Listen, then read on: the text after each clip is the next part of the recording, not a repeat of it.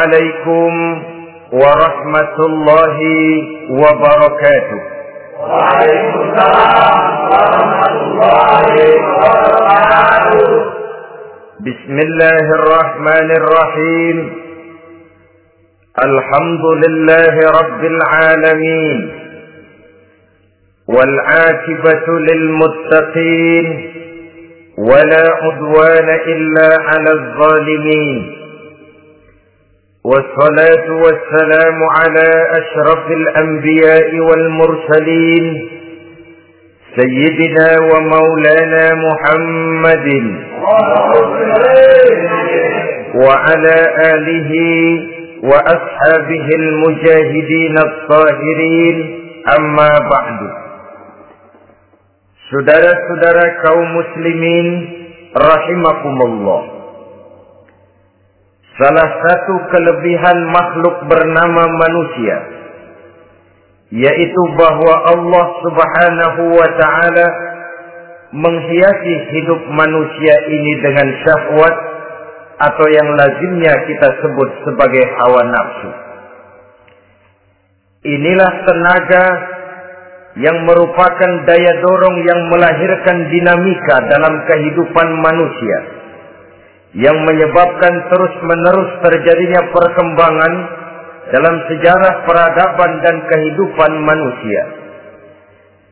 Hawa nafsu bisa melambungkan seseorang kepada puncak kejayaan dan hawa nafsu dapat menenggelamkan seseorang ke dasar jurang kehancuran yang paling dalam.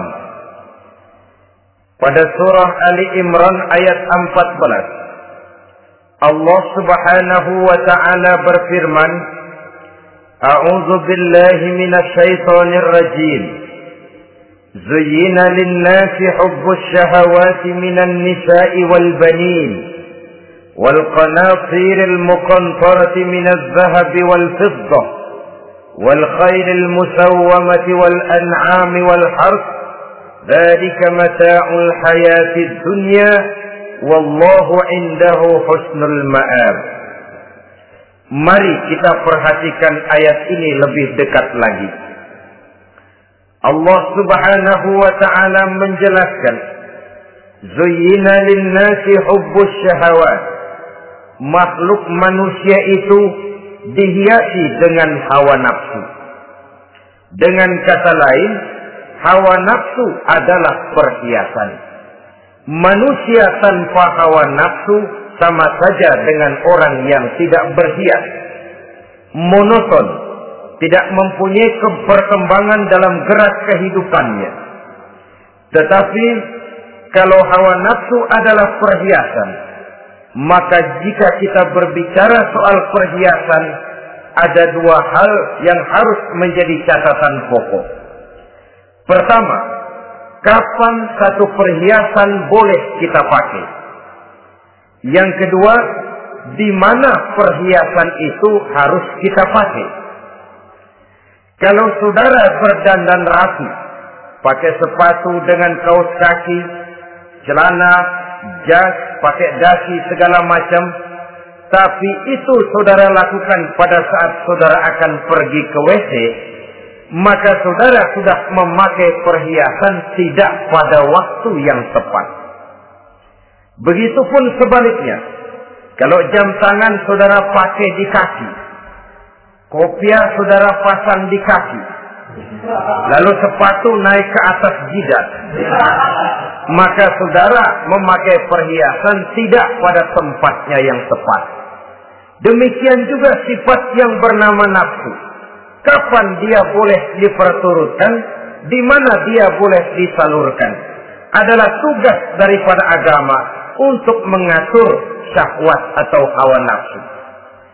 Lihatlah kehidupan malaikat.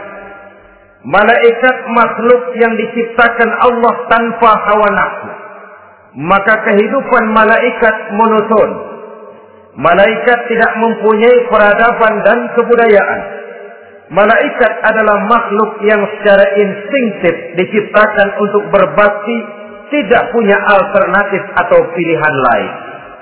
Saudara lihat, ada malaikat yang sejak diciptakan diperintahkan untuk sujud, sujud saja sampai sekarang, nggak bangun-bangun. Ada malaikat yang sejak diciptakan diperintahkan untuk tasbih, tasbih saja, yang lain tidak. Ada malaikat yang sejak diciptakan diperintahkan mencabut nyawa, nyawa saja urusannya, yang lain tidak. Pekerjaannya monoton, tetapi memang karena tidak ada hawa nafsu, tidak ada kecenderungan malaikat untuk nyeleweng. Belum pernah kita dengar misalnya ada malaikat Jibril korupsi ayat.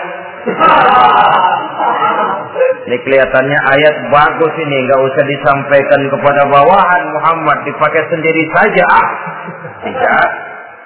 Kita belum pernah dengar malaikat maut keliru mencabut nyawa orang yang belum waktunya modal. Belum pernah. Malaikat itu ibadun mukramun la ya'sunallaha fima amarahum wa yaf'aluna ma yu'marun. Maka kehidupan malaikat adalah monoton.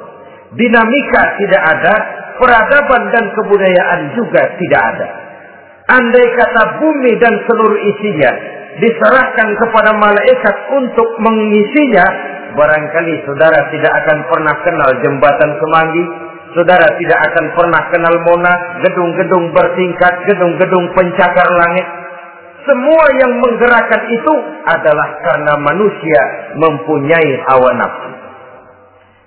Nah, kemudian pada kalimat berikutnya Allah memberikan rincian. Apa nafsu kepada apa yang paling menonjol dalam kehidupan manusia itu? Pertama, minan nisa, hawa nafsu kepada perempuan. Ini tentu yang ditujukan laki-laki. Di mana pun saja makhluk bernama laki-laki, kalau dia normal, tidak impoten, mesti suka kepada perempuan. Itu wajar bin pantas alias normal. Tetapi tadi saya katakan di awal, nafsu kepada perempuan adalah perhiasan.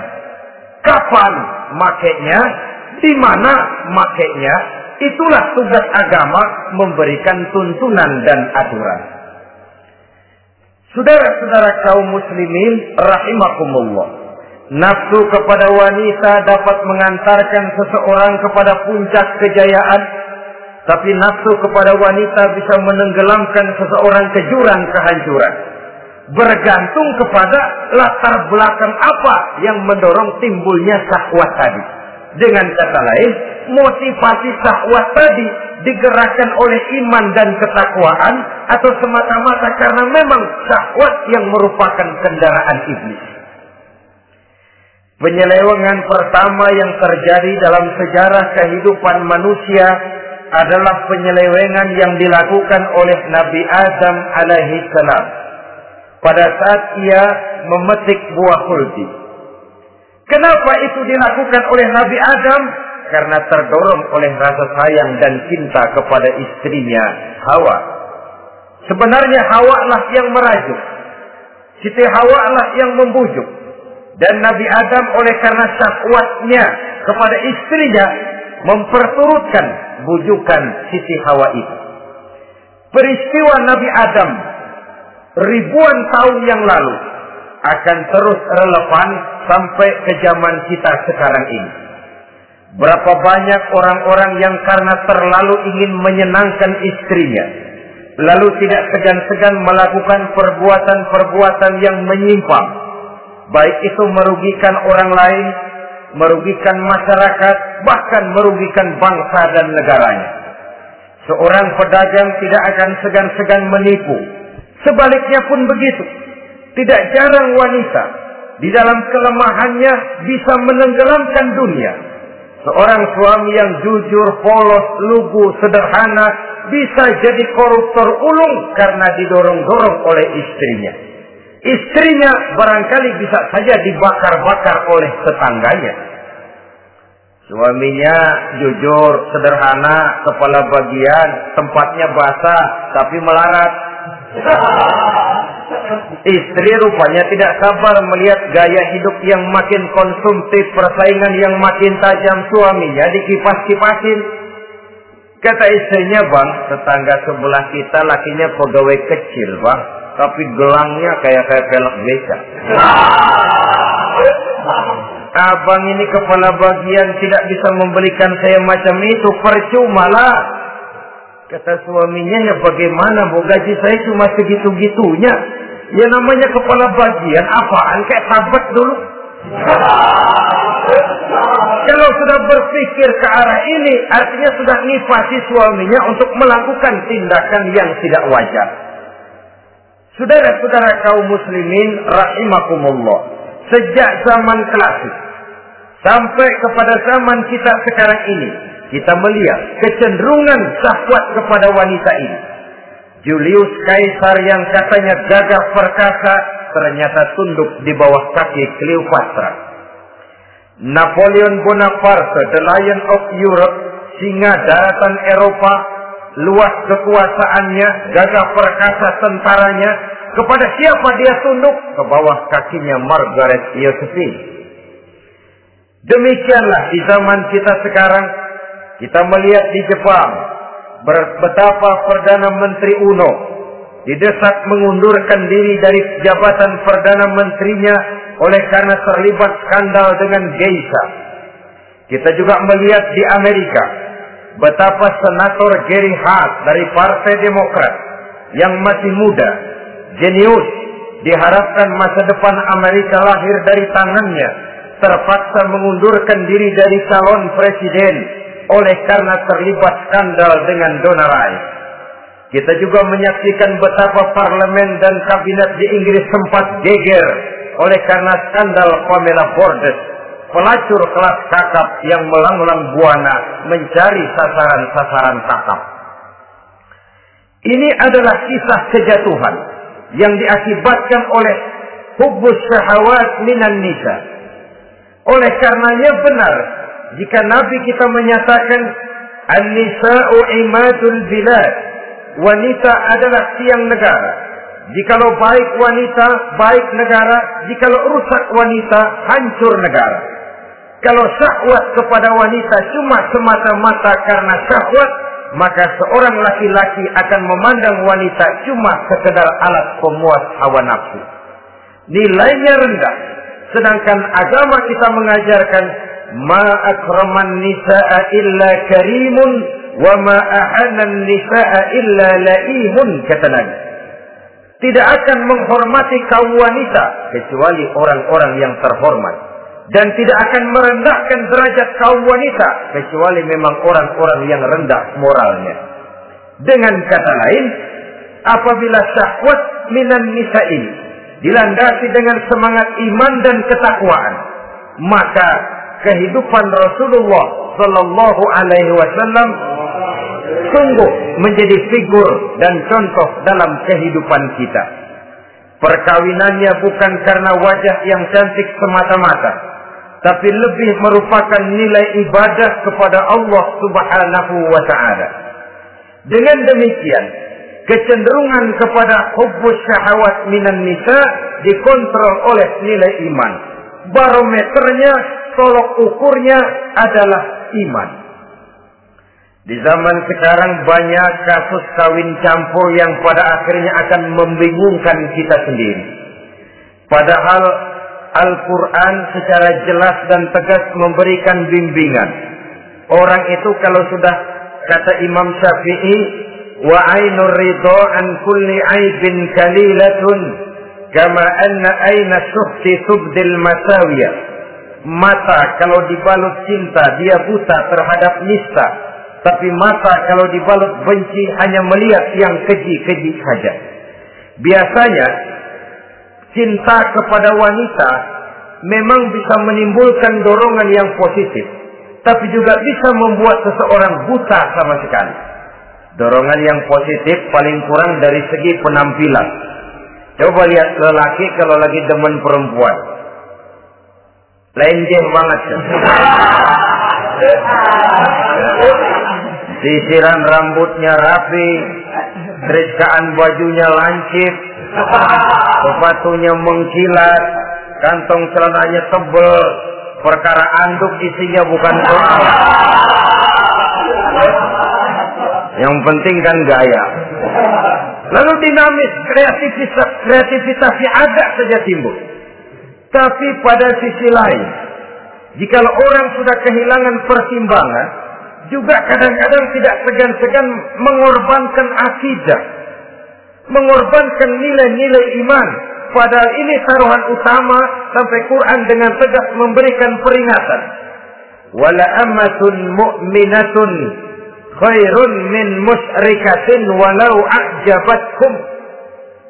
Perempuan budak yang hitam legam kalau beriman itu lebih baik untuk dinikahi daripada wanita cantik berkulit-kulit kuning langsat tapi musyrik. Lebih baik budak yang hitam legam beriman daripada wanita cantik berkulit kuning langsat berhati bangsat. Tapi kita kadang kehilangan pertimbangan karena agama, karena cinta agama digadaikan. Karena cinta akidah terjual. Karena cinta keyakinan jadi korban. Ini semua penyakit yang datang dari hubbus syahwat minan nisa. Kecenderungan mengumbar nafsu kepada perempuan. Ini memang perhiasan tapi bisa juga jadi bumerang dalam kehidupan manusia. Berapa banyak penyelewengan-penyelewengan terjadi karena pengaruh wanita yang tidak bisa jadi bisa. Ini pengaruh di dalam kehidupan memang sedemikian besarnya. Sehingga saudara-saudara kaum muslimin, inilah yang perlu dikendalikan dalam kehidupan kapan dan di mana kalau nafsu adalah perhiasan, kapan dan di mana perhiasan itu harus kita pakai? Di mana dia harus kita tempatkan? Begitu juga yang menyangkut soal perempuan. Kapan? Ya kapan? Tentu kalau sudah nikah. Di mana? Yang jelas bukan di depan umum.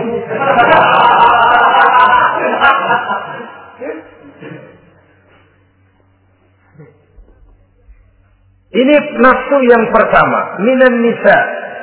Yang kedua, wal bani.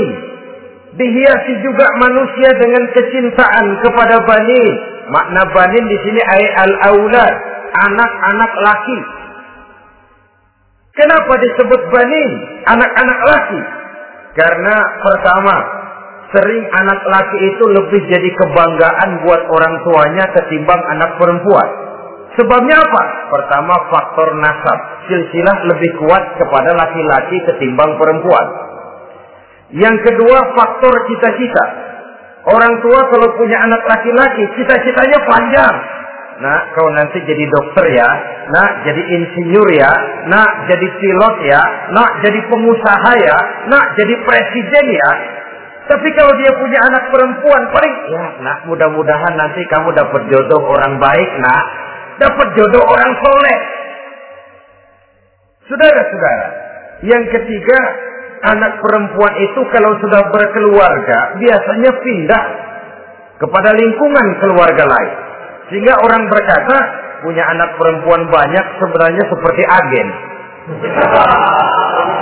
Artinya, artinya ada yang mau bawa, kan gitu. Ada yang minta, ambil. Ada yang berminat, buntel. Paling-paling dia nengokin orang tuanya lebaran. Ya syukur kalau sebulan sekali atau seminggu sekali. Tapi minimnya kan lebaran. Dengan demikian dari garis nasab ini lebih kuat al-banin ketimbang al-banat. Manusia dihiasi dengan kecintaan kepada anak-anak. Sering karena terlalu cinta kepada anak, kita menjerumuskan anak. Terlalu sayang kepada anak, segala maunya kita perturutkan tanpa kendali dan kendala. Akhirnya sifat yang demikian itu malah mendorong anak untuk manja, tidak percaya kepada kemampuan yang dimilikinya, selalu mengandalkan kepada kebesaran, kemampuan daripada orang-orang yang dibanggakannya itu, dan dalam kondisi demikian kedewasaan dan tanggung jawabnya akan lambat berkembang. Maka Allah Subhanahu wa taala memperingatkan bahwa harta dan anak bisa menjadi fitnah. Dalam ayat lain Allah juga memperingatkan, "Ya ayyuhalladzina amanu la tulhikum amwalukum wa auladukum an dzikrillah." Wahai orang-orang yang beriman, jangan sampai hartamu dan anak-anakmu memalingkan kamu daripada mengingat Allah. Jangan sampai kesibukanmu kepada anak dan harta benda menyebabkan kamu sampai lupa mengingat Allah Subhanahu wa taala. Berapa banyak manusia yang tenggelam dengan melupakan Allah, jauh dari agama, jauh dari tuntunan syariat oleh karena disibukkan oleh persoalan anak dan persoalan harta benda. Maka satu-satunya jalan Jikalau kita tidak ingin anak kita sampai memalingkan kita daripada mengingat Allah, nilai-nilai keimanan harus ditanamkan kepada mereka sedini mungkin. Dengan bekal ini, maka mereka anak-anak kita insya Allah tidak akan membuat kita orang-orang tua ini berpaling daripada mengingat Allah, berpaling daripada kehidupan beragama. Memang karena anaklah kita orang tua peras keringat banting tulang, pergi pagi pulang sore cari nafkah.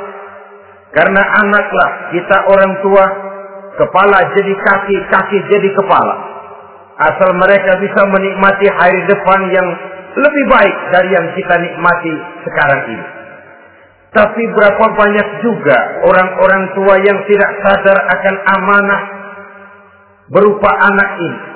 Mereka lalai, mereka bersikap masa bodoh, padahal tidak akan ada yang tidak dipertanggungjawabkan di hadapan Allah Subhanahu wa taala. Orang tua bisa mendapat pensiunan pahala kalau anaknya tumbuh menjadi anak yang soleh. Tetapi orang tua pun bisa saja masuk neraka karena anaknya menjadi anak yang kurang ajar dan orang tuanya sama sekali tidak pernah memberikan pendidikan yang sebagaimana mestinya. Saudara-saudara kaum muslimin rahimakumullah. Kita tentu berharap memperoleh pensiunan pahala dan bukan mendapat tambahan dosa dari kekurang ajaran anak-anak kita akibat kita sebagai orang tuanya tidak pernah mau mendidik mereka. Dalam hadis ada diriwayatkan ada anak kurang ajar sembahyang tidak puasa ibadah tidak kenal Allah tidak beriman pun tidak dosa kelewat banyak kejahatan berkarat di akhirat nanti disidang dia ditanya kamu kenal siapa Tuhanmu? Tidak kamu tahu siapa nabimu tidak kitab sucimu apa tidak tahu kiblatmu di mana tidak ada. Kamu sholat tidak pernah. Kamu puasa tidak pernah. Wah, kalau begitu kamu rusak sekali.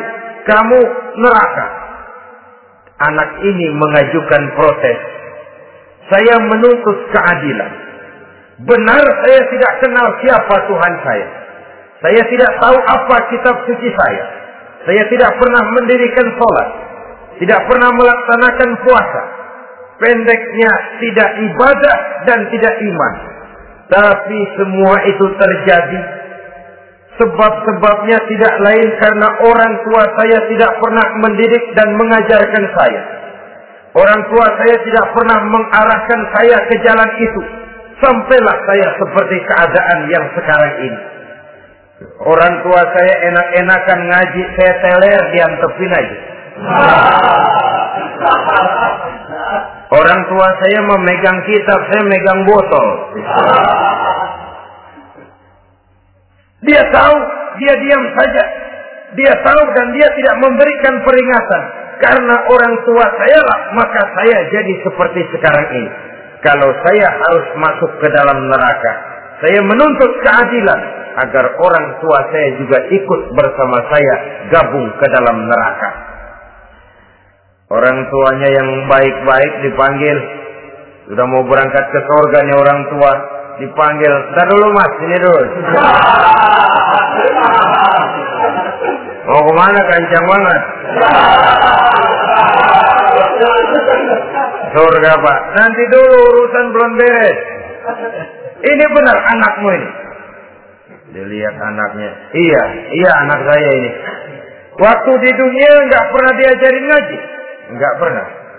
Sampai dia nggak kenal Tuhannya. Nggak kenal nabinya. Nggak kenal kiblatnya. Nggak kenal kitabnya. Iya. Dia sembahyang, kamu diam nggak dia nggak sholat, kamu diamin aja. Iya kali. Kenapa pakai kali? Yang benar ngomong mas. Ramadan dia nggak puasa, kamu nggak tegur, kamu diam saja. Iya. Wah, kamu nggak tanggung jawab. Kamu tahu anak itu adalah amanah. Menyia-nyiakan amanah adalah khianat. Khianat adalah dosa besar. Jadi bagaimana saya? Ya kamu gabung sama anakmu, join ke neraka berdua bareng. Lantaran kamu tidak mau mendidik mereka, anak-anakmu, maka jadilah anak-anakmu seperti sekarang ini.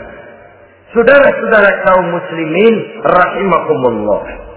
Sebaliknya, jikalau anak-anak kita yang kita cintai ini, yang merupakan buah hati belahan jantung, tumbuh dan berkembang menjadi anak-anak yang soleh, yang bermanfaat bagi masyarakatnya, bagi agama, bangsa dan negaranya, kita orang tuanya bolehlah tentram menerima pensiunan pahala. Menerima pensiunan pahala dari kesolehan anak yang ditinggalkannya. Alangkah nikmatnya mendapat pensiunan pahala. Terbaring kita di bawah pohon kemboja. Nilai kebaikan kita dikenal orang. Nama kita akan tetap hidup oleh karena kita meninggalkan anak-anak yang tumbuh menjadi generasi yang soleh, bukan anak yang salah. Oleh karenanya, kecintaan kepada anak jangan sampai membuat kita lalai dari mengarahkan mereka kepada kehidupan beragama. Di zaman sekarang ini, kecenderungan kita mengarahkan anak pun sudah kepada kecenderungan yang berbau materialistis maka yang ramai bagaimana anak bisa mengejar program MBA, Master of Business Administration. Supaya keluar bisa jadi manajer. Bagaimana anak lalu kursus komputer. Supaya keluar menjadi tenaga yang canggih di bidang komputer. Ya, kalau dia perempuan cantik, bagaimana dia bisa masuk Akademi Sekretaris and Management supaya bisa jadi sekretaris. Atau bagaimana dia bisa masuk sekolah nyanyi supaya nanti jadi penyanyi dengan tarik suara uang lalu mengalir ke dalam kocek jutaan nilainya. Maka yang ramai pun hal-hal yang semacam itu. Dalam pada itu pengajian, kursus-kursus keagamaan, tadi-tadi klub yang membicarakan masalah-masalah agama ramainya kadang-kadang kalau bulan Ramadan. Nah, dianggap training center. Ya lumayan daripada tidak sama sekali mah lumayan. Tapi dengan demikian ini kan merupakan bagian terpokok dari kehidupan manusia. Alangkah idealnya jika dia mengantongi gelar MBA, Master of Business Administration, tapi punya nilai iman yang tangguh, ahli komputer tapi punya keyakinan beragama yang mantap. Dan ini harus ditanamkan lebih dahulu sebelum dia menguasai disiplin ilmu yang lainnya. Saudara-saudara kaum muslimin rahimakumullah. Kecintaan kepada anak-anak sering mendorong seseorang untuk menimbulkan sifat nepotisme. Segalanya serba garis keturunan. Sejak ia jalur birokrasi sampai ke dalam kehidupan sehari-hari, nepotisme ini bisa terlihat. Orang kehilangan kondisi objektivitasnya. Mampu atau tidak, soal lain. Bidangnya atau tidak, bukan soal. Yang penting masih ada hubungan keturunan. Maka timbullah tumpang tindih untuk sesuatu pekerjaan yang tidak sesuai dengan kemampuan dan keahliannya. Di desa-desa kita melihat masjid, ketua masjid bapaknya, bendahara anaknya, sekretaris mantunya, Bilal besannya, Pol beduk engkongnya. Pokoknya asal masih ada garis keturunan, masuk. Tidak, minggir. Ini pada akhirnya kurang menciptakan pemerataan kesempatan. Iyalah kalau profesinya, tapi kan jarang yang demikian itu. Kita boleh cinta kepada anak-anak kita, tapi jangan lalu mempergunakan posisi yang kebetulan kita gunakan untuk menempatkan anak-anak kita lebih dari kemampuan yang mereka miliki. Nepotisme yang lahir.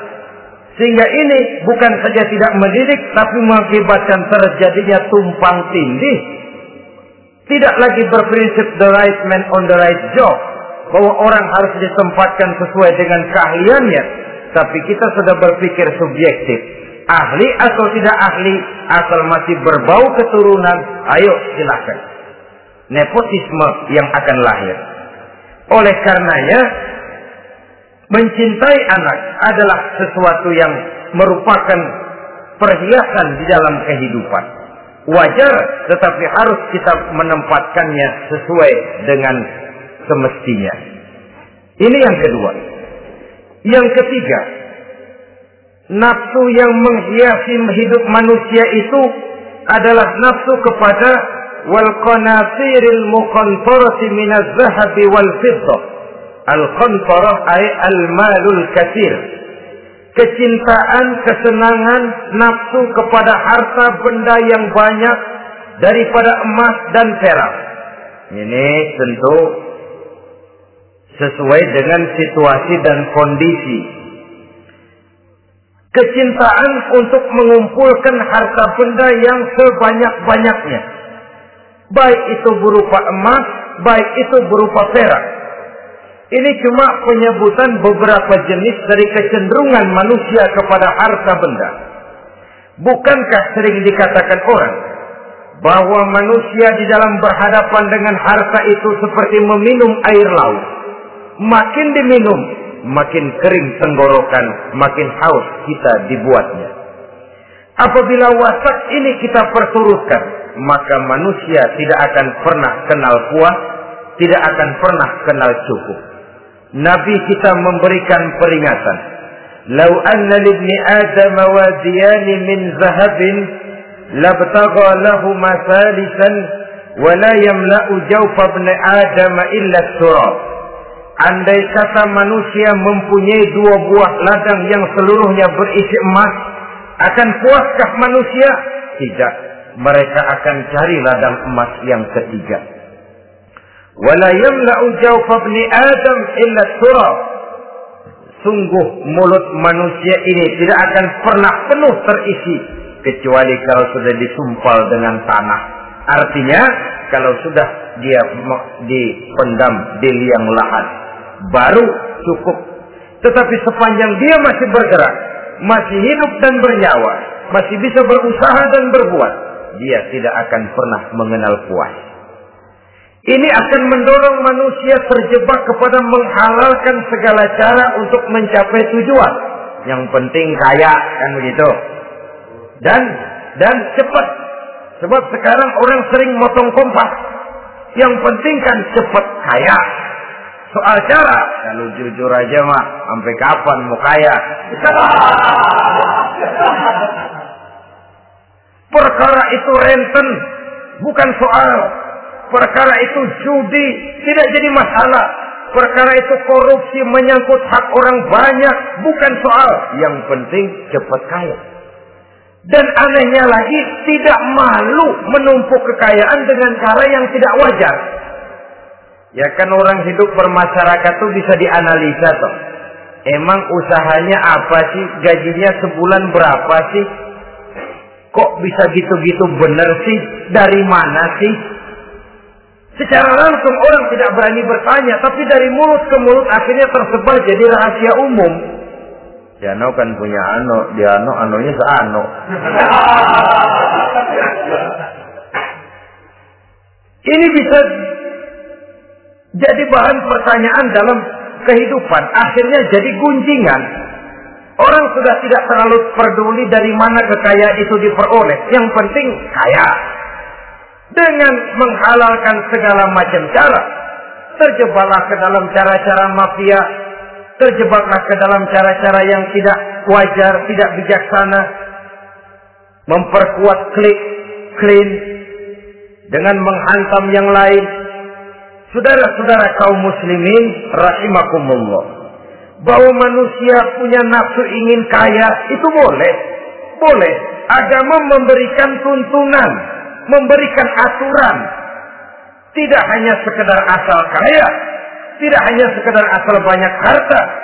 Malahan hadis menyatakan kalau saudara diberikan umur panjang, pertanyaan akhirat cuma satu kok. Umurmu kau habiskan di mana? Kalau saudara diberikan amanah berupa ilmu pengetahuan, pertanyaan akhirat juga cuma satu kok. Ilmumu kau amalkan untuk apa? Tapi kalau kita diberikan amanah berupa harta benda, pertanyaan akhirat itu dua. Min aina iktasabahu wa fima anfaqahu. Dari mana hartamu kau dapat, ke mana hartamu kau belanjakan. Dari mananya ditanya, ke mananya juga ditanya. Depan belakang ditanya. Dan kalau mempergunakan harta untuk kesenangan syahwat, orang berani bukan main. Tapi kalau untuk kepentingan agama yang hakikatnya untuk kepentingan dirinya sendiri, berat seperti nyabut bambu dari ujung. Orang kalau menyumbang masjid 100 ribu, itu kan zohirnya memberikan panitia masjid. Tapi hakikatnya kan dia nabung buat dirinya sendiri. Seolah-olah dia cuma berkata, Pak, tolong saya titip 100 ribu, ini untuk kepentingan saya di akhirat nanti. Silakan uangnya mau dibelikan semen, pasir, kaca, pintu, jendela. Silakan. Saya cuma titip ini untuk saya di akhirat nanti. 100 ribu Pak. Zohirnya dia memberikan kepada panitia masjid, madrasah, pesantren, yatim piatu. Hakikatnya dia nabung buat dirinya sendiri di akhirat. Malah tabungan ini bukan SDSB namanya, SDBS. Sumbangan dana berhadiah surga. Nah, itu SDBS. Sekarang orang mengejar SDSB, lalu berat mengejar SDBS sumbangan dana yang berhadiah surga langsung dari Allah Subhanahu wa taala. Coba kalau dia main golf, sewa lapangan golf itu empat lima ratus ribu sebulan, paling empat lima kali main. Beli stick golfnya saja sampai jutaan. Datang panitia pembangunan masjid seratus.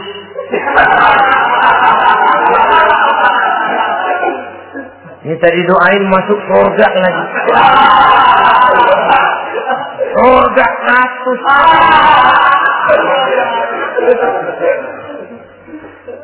Saudara-saudara kaum muslimin rahimakumullah. Kecintaan kepada harta benda yang banyak. Baik berupa emas, berupa perak. Mendorong orang untuk berlomba-lomba yang Allah peringatkan dalam Al-Quran. Al-Hakumus Takasur. Hatta zurtumul maqabir. Kamu telah lalai akibat kamu berlomba-lomba memperbanyak materi dunia. Hatta zurtumul maqabir sampai kamu dekat masuk ke liang kubur. Baru rupanya sadar bahwa perlombaan ini tidak akan pernah sampai ke garis finish. Betapapun jauhnya rally Paris Dakar, Garis finishnya ada. Betapapun hebatnya medan yang ditempuh buatnya gurun pasir Afrika. Garis finishnya pasti ada. Itu kan rally yang terbuat di dunia katanya. Paris Dakar. Tapi garis finishnya ada. Namun jika kita berlomba memperbanyak harta, kita tidak akan pernah sampai ke garis finish. Yang kecil-kecilan aja dah. Kalau orang ditanya, kamu kenapa sih belum mau sembahyang? Ya, bagaimana mau sembahyang, Pak? Tinggal di Jakarta masih kontrak. Siapa habis tahun di ubur-ubur yang punya rumah. Ah, kalau punya rumah sendiri, walaupun kecil-kecilan, saya mau ibadah, Pak. Ya, diberikan rezeki oleh Allah. Bisa bikin rumah, walaupun kecil-kecilan. Belum juga mau sembahyang. Kok belum juga sembahyang? Iya pak, rumah emang udah punya sendiri, cuman kecil pak. Atasnya asap, kalau hujan aja bocor. Ah, kalau bisa bikin rumah yang permanen pak, tenang saya ibadah, sembahyang saya rajin. Iyalah, diberikan rezeki, bisa bikin rumah permanen. Bagus rumahnya. Lain lagi.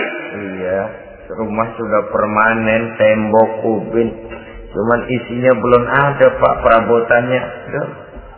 Kalau punya peralatan rumah tangga yang memadai, tenang saya ibadah. Diberikan juga rezeki, bisa beli perabotan rumah tangga yang lumayan.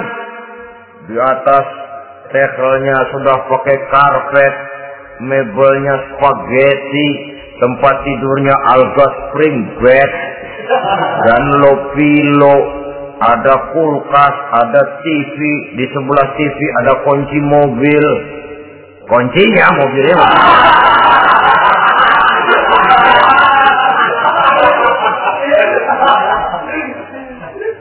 Bagaimana? Sekarang sudah cukup perabotan. Perabotan sudah ada Pak, cuman kendaraan belum punya ini. Ke mana-mana masih ngukur jalanan aja. Ah, kalau punya kendaraan enak ke mana-mana cepet Pak, mau ke masjid juga getap dah, rajin. Diberikan rezeki, bisa beli kendaraan lain lagi nanti. Sudah punya sepeda, pengen punya motor, punya motor, kepengen punya mobil, punya mobil, kepengen punya pesawat terbang, punya pesawat terbang, pengen punya kapal induk. Sudah punya kebun, pengen beli sawah, sudah punya sawah, pengen punya gunung, sudah punya gunung laut diborong. Perlombaan materi tidak akan pernah membawa kita ke garis finish karena sifatnya sangat abstrak bahkan akan mendorong kita seperti gurita. Cenderung kepada penyakit tamak bin rakus alias serakah. Dengan demikian saudara-saudara, bahwa kecintaan kepada harta merupakan nafsu dan nafsu itu adalah perhiasan, dia bisa menjadi daya dorong positif. Kalau dalam upaya memperoleh harta itu kita tidak akan keluar dari tujuan keriduan Allah.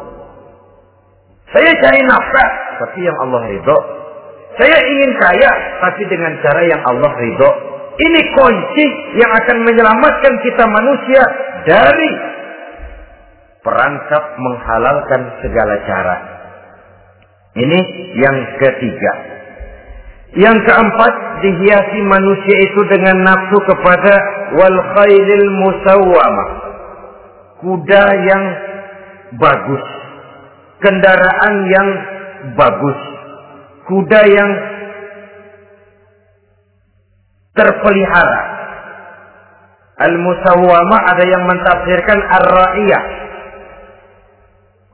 Ar-ra'iyah itu yang digembalai. Binatang ternak kuda yang digembalai atau kuda yang diikat. Artinya, kalau dulu kan yang namanya tuan-tuan tanah itu baru dibilang bejeger kalau ke mana-mana naik kuda. Ah, jet set zaman dulu itu. itu udah kelompok jet set itu kendaraan. Kalau sekarang baby benda. Dulu mah kuda band.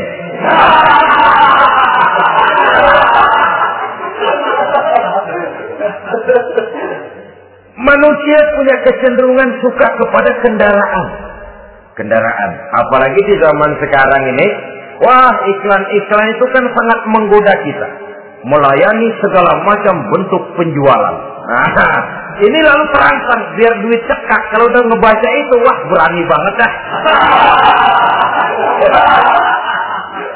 Tahu duit nggak mungkin cukup, tapi begitu baca melayani segala macam bentuk penjualan dengan fasilitas ringan. Nah, jadi dah. Jadi juga punya mobil jadi dah.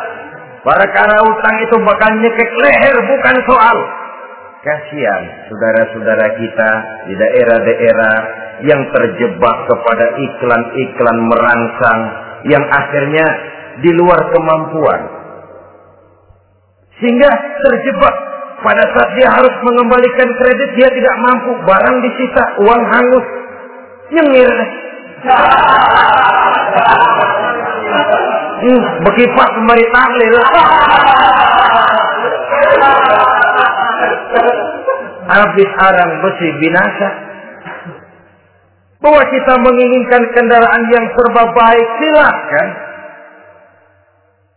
Tiap akhir tahun ganti merek, keluar yang baru ganti lagi.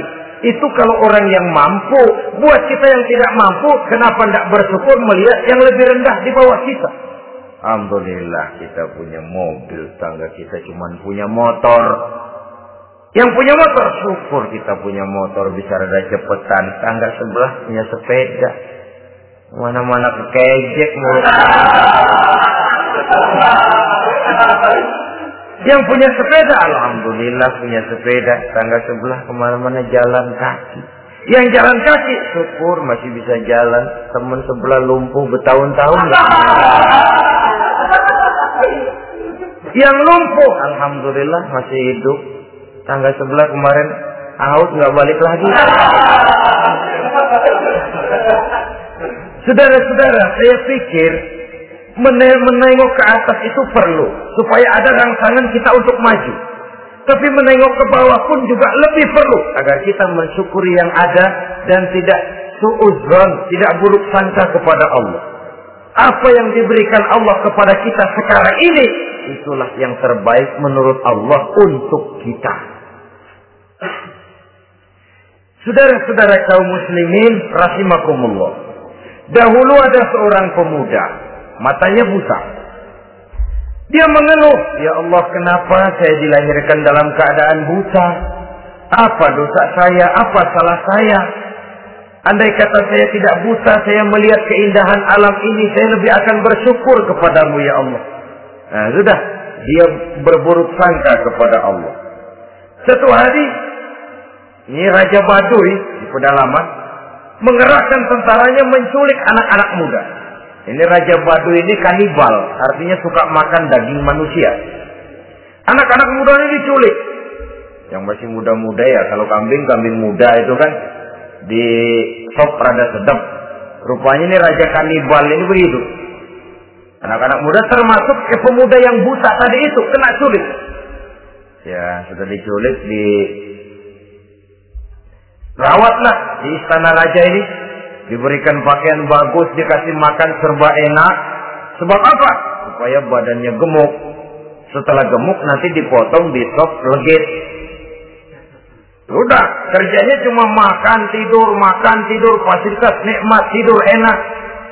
Ya, udah giliran dapat satu bulan, dua bulan kemudian ketika mau diambil anak-anak muda ini, raja sendiri yang milih mana yang di sop duluan nih. Sampai giliran anak muda yang buta ini raja geleng kepala. Yang begini mau buta dagingnya nggak enak. Ini satu satu lepas saja lepas. Saya mau makan daging orang buta. Lepas saja. Pulang ini anak muda, batinnya bersyukur, sujud syukur ya Allah. Katanya untung saya buta. Coba kalau saya nggak buta udah habis saya di stop. Dua bulan yang lalu dia mengeluh, ya Allah kenapa saya dilahirkan dalam keadaan buta? Sekarang dalam pulang ke rumah, perjalanan menuju ke rumah dia berkata, Alhamdulillah, andai kata saya tidak buta, habis badan saya di stop oleh raja yang kanibal tadi. Saudara-saudara kaum muslimin, rahimakumullah. Jadi dengan demikian pola hidup yang konsumtif sesungguhnya sangat tidak mendidik apabila dilatar belakangi oleh kemampuan yang tidak menunjang. Dengan demikian setidaknya mendidik orang untuk berhayal. Anak-anak muda sama merek mobil ngerti banget dah. Punya ada. Ini BMW model terakhir nih. Nih, kemarin gue ngeliat di sana gue megang. Megang lah.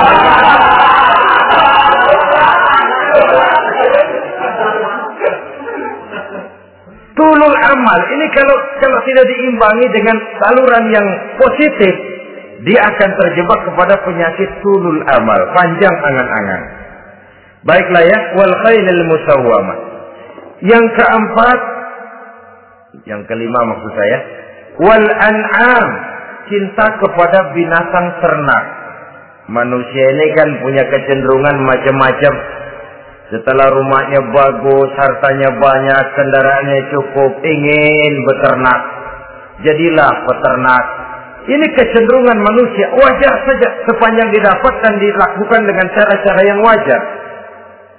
Walhars dan tumbuh-tumbuhan. Bertani, bersawah, berladang. Itu merupakan kecenderungan daripada manusia. Keseluruhan itu kata Allah kecintaan kepada wanita, kepada anak, kepada harta benda, kepada kendaraan, kepada binatang ternak, kepada tumbuh-tumbuhan. Zalika semua itu mata'ul hayatid dunia merupakan kesenangan hidup dunia. Berapa lama kesenangan hidup dunia? Sebentar, seumur manusia. Seumur manusia. Bahkan kadang-kadang pada saat dia masih hidup pun orang tidak sepenuhnya sempat menikmati kesenangan hidup dunia. Apabila ajal datang, selesailah kehidupan dunia sampai di sini. Orang-orang kafir buat mereka surganya di dunia ini. Bila kehidupan di dunia selesai, selesailah sudah surganya sampai di sini. Kesemua itu kata Allah merupakan kesenangan daripada kehidupan di dunia. Wallahu indahu husnul ma'ab dan Allah mempunyai tempat kembali yang sangat baik. Nah, setelah Allah menjelaskan semua itu, pada ayat yang ke-15 Allah memberikan jalan keluarnya. Memperturutkan nafsu kepada wanita, anak-anak, harta benda, kendaraan, binatang ternak. Bijaksanakah itu? Dalam ayat ke-15 surah Ali Imran ini, Allah memberikan penjelasan tuntas. Qul a'unabbi'ukum bi khairin min zalikum Katakan kepada mereka Muhammad, maukah kamu aku beri kabar yang lebih baik dari semua itu? Lebih baik daripada kesenanganmu kepada wanita, kepada anak-anak, kepada harta benda, kepada kendaraan dan sebagainya. Mau kamu aku beritahu yang lebih baik daripada semua itu? Jawaban tentu mau. Kalimatnya bukan ukhbirukum, a'unabbi'ukum. An-naba itu berita yang besar.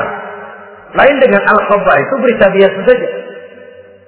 An-naba sehingga pembawa berita disebut nabi dari naba yang yang bi pembawa berita yang benar.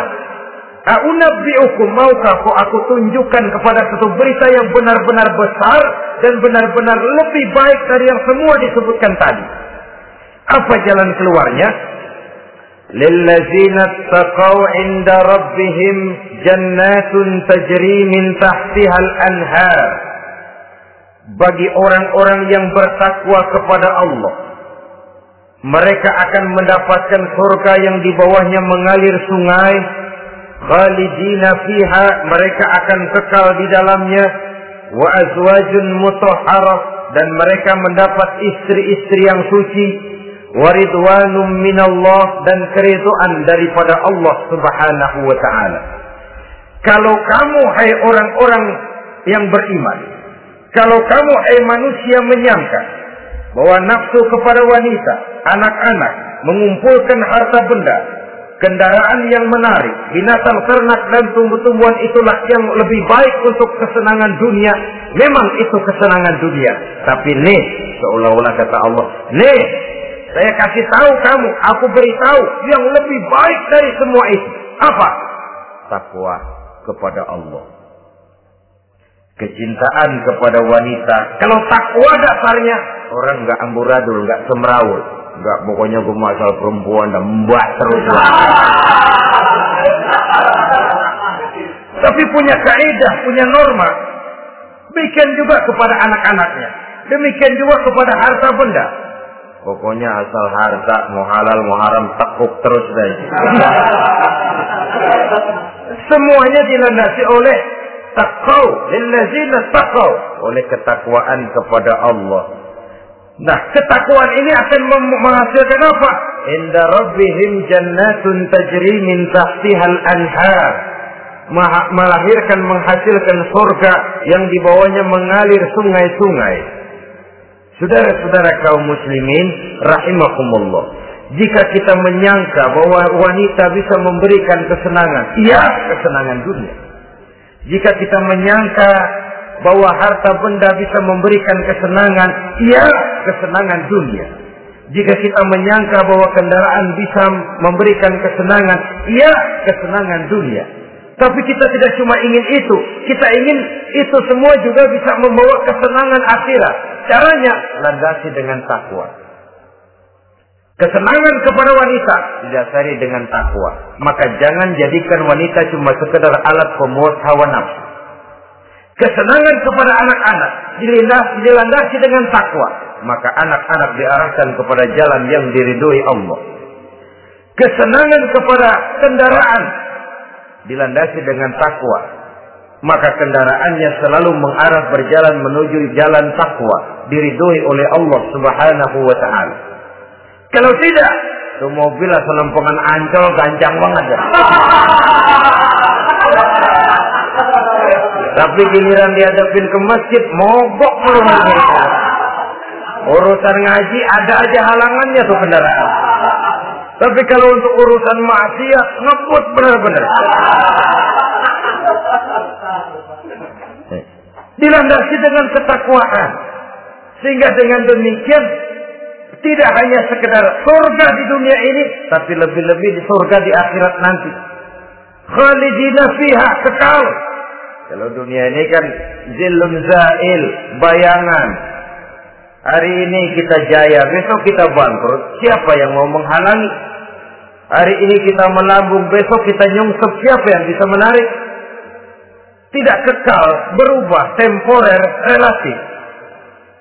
Di sana kebahagiaan yang dilandasi dengan takwa ini sudah surga kekal di dalamnya azwajun mutahhara dapat istri-istri yang suci. Suci dalam arti belum pernah dijama orang lain. Suci dalam arti tidak pernah terkena halangan. Seperti men misalnya. Baik menstruasi atau mencret itu tidak. Azwajun mutoharo. Konon makna mutoharo ini ya artinya juga bisa selalu gadis bidadari, selalu perawat. Tidak pernah janda, walaupun tiap hari dipakai, perawan terus. Dan yang lebih penting, waridwanum minallah mendapat ridho dari Allah Subhanahu wa taala. Jadi hawa nafsu dengan motivasi takwa itulah sesungguhnya yang dikehendaki oleh Ali Imran ayat 14 dan 15. Dengan demikian manusia dengan ketakwaannya mengendalikan hawa nafsu dan bukan malah dikendalikan oleh hawa nafsunya. Sehingga dengan demikian seluruh fasilitas yang dimilikinya baik itu berupa istri, anak, kendaraan, binatang ternak, harta benda, uh, tanam-tanaman, seluruhnya semakin meningkatkan ketakwaannya kepada Allah Subhanahu wa taala.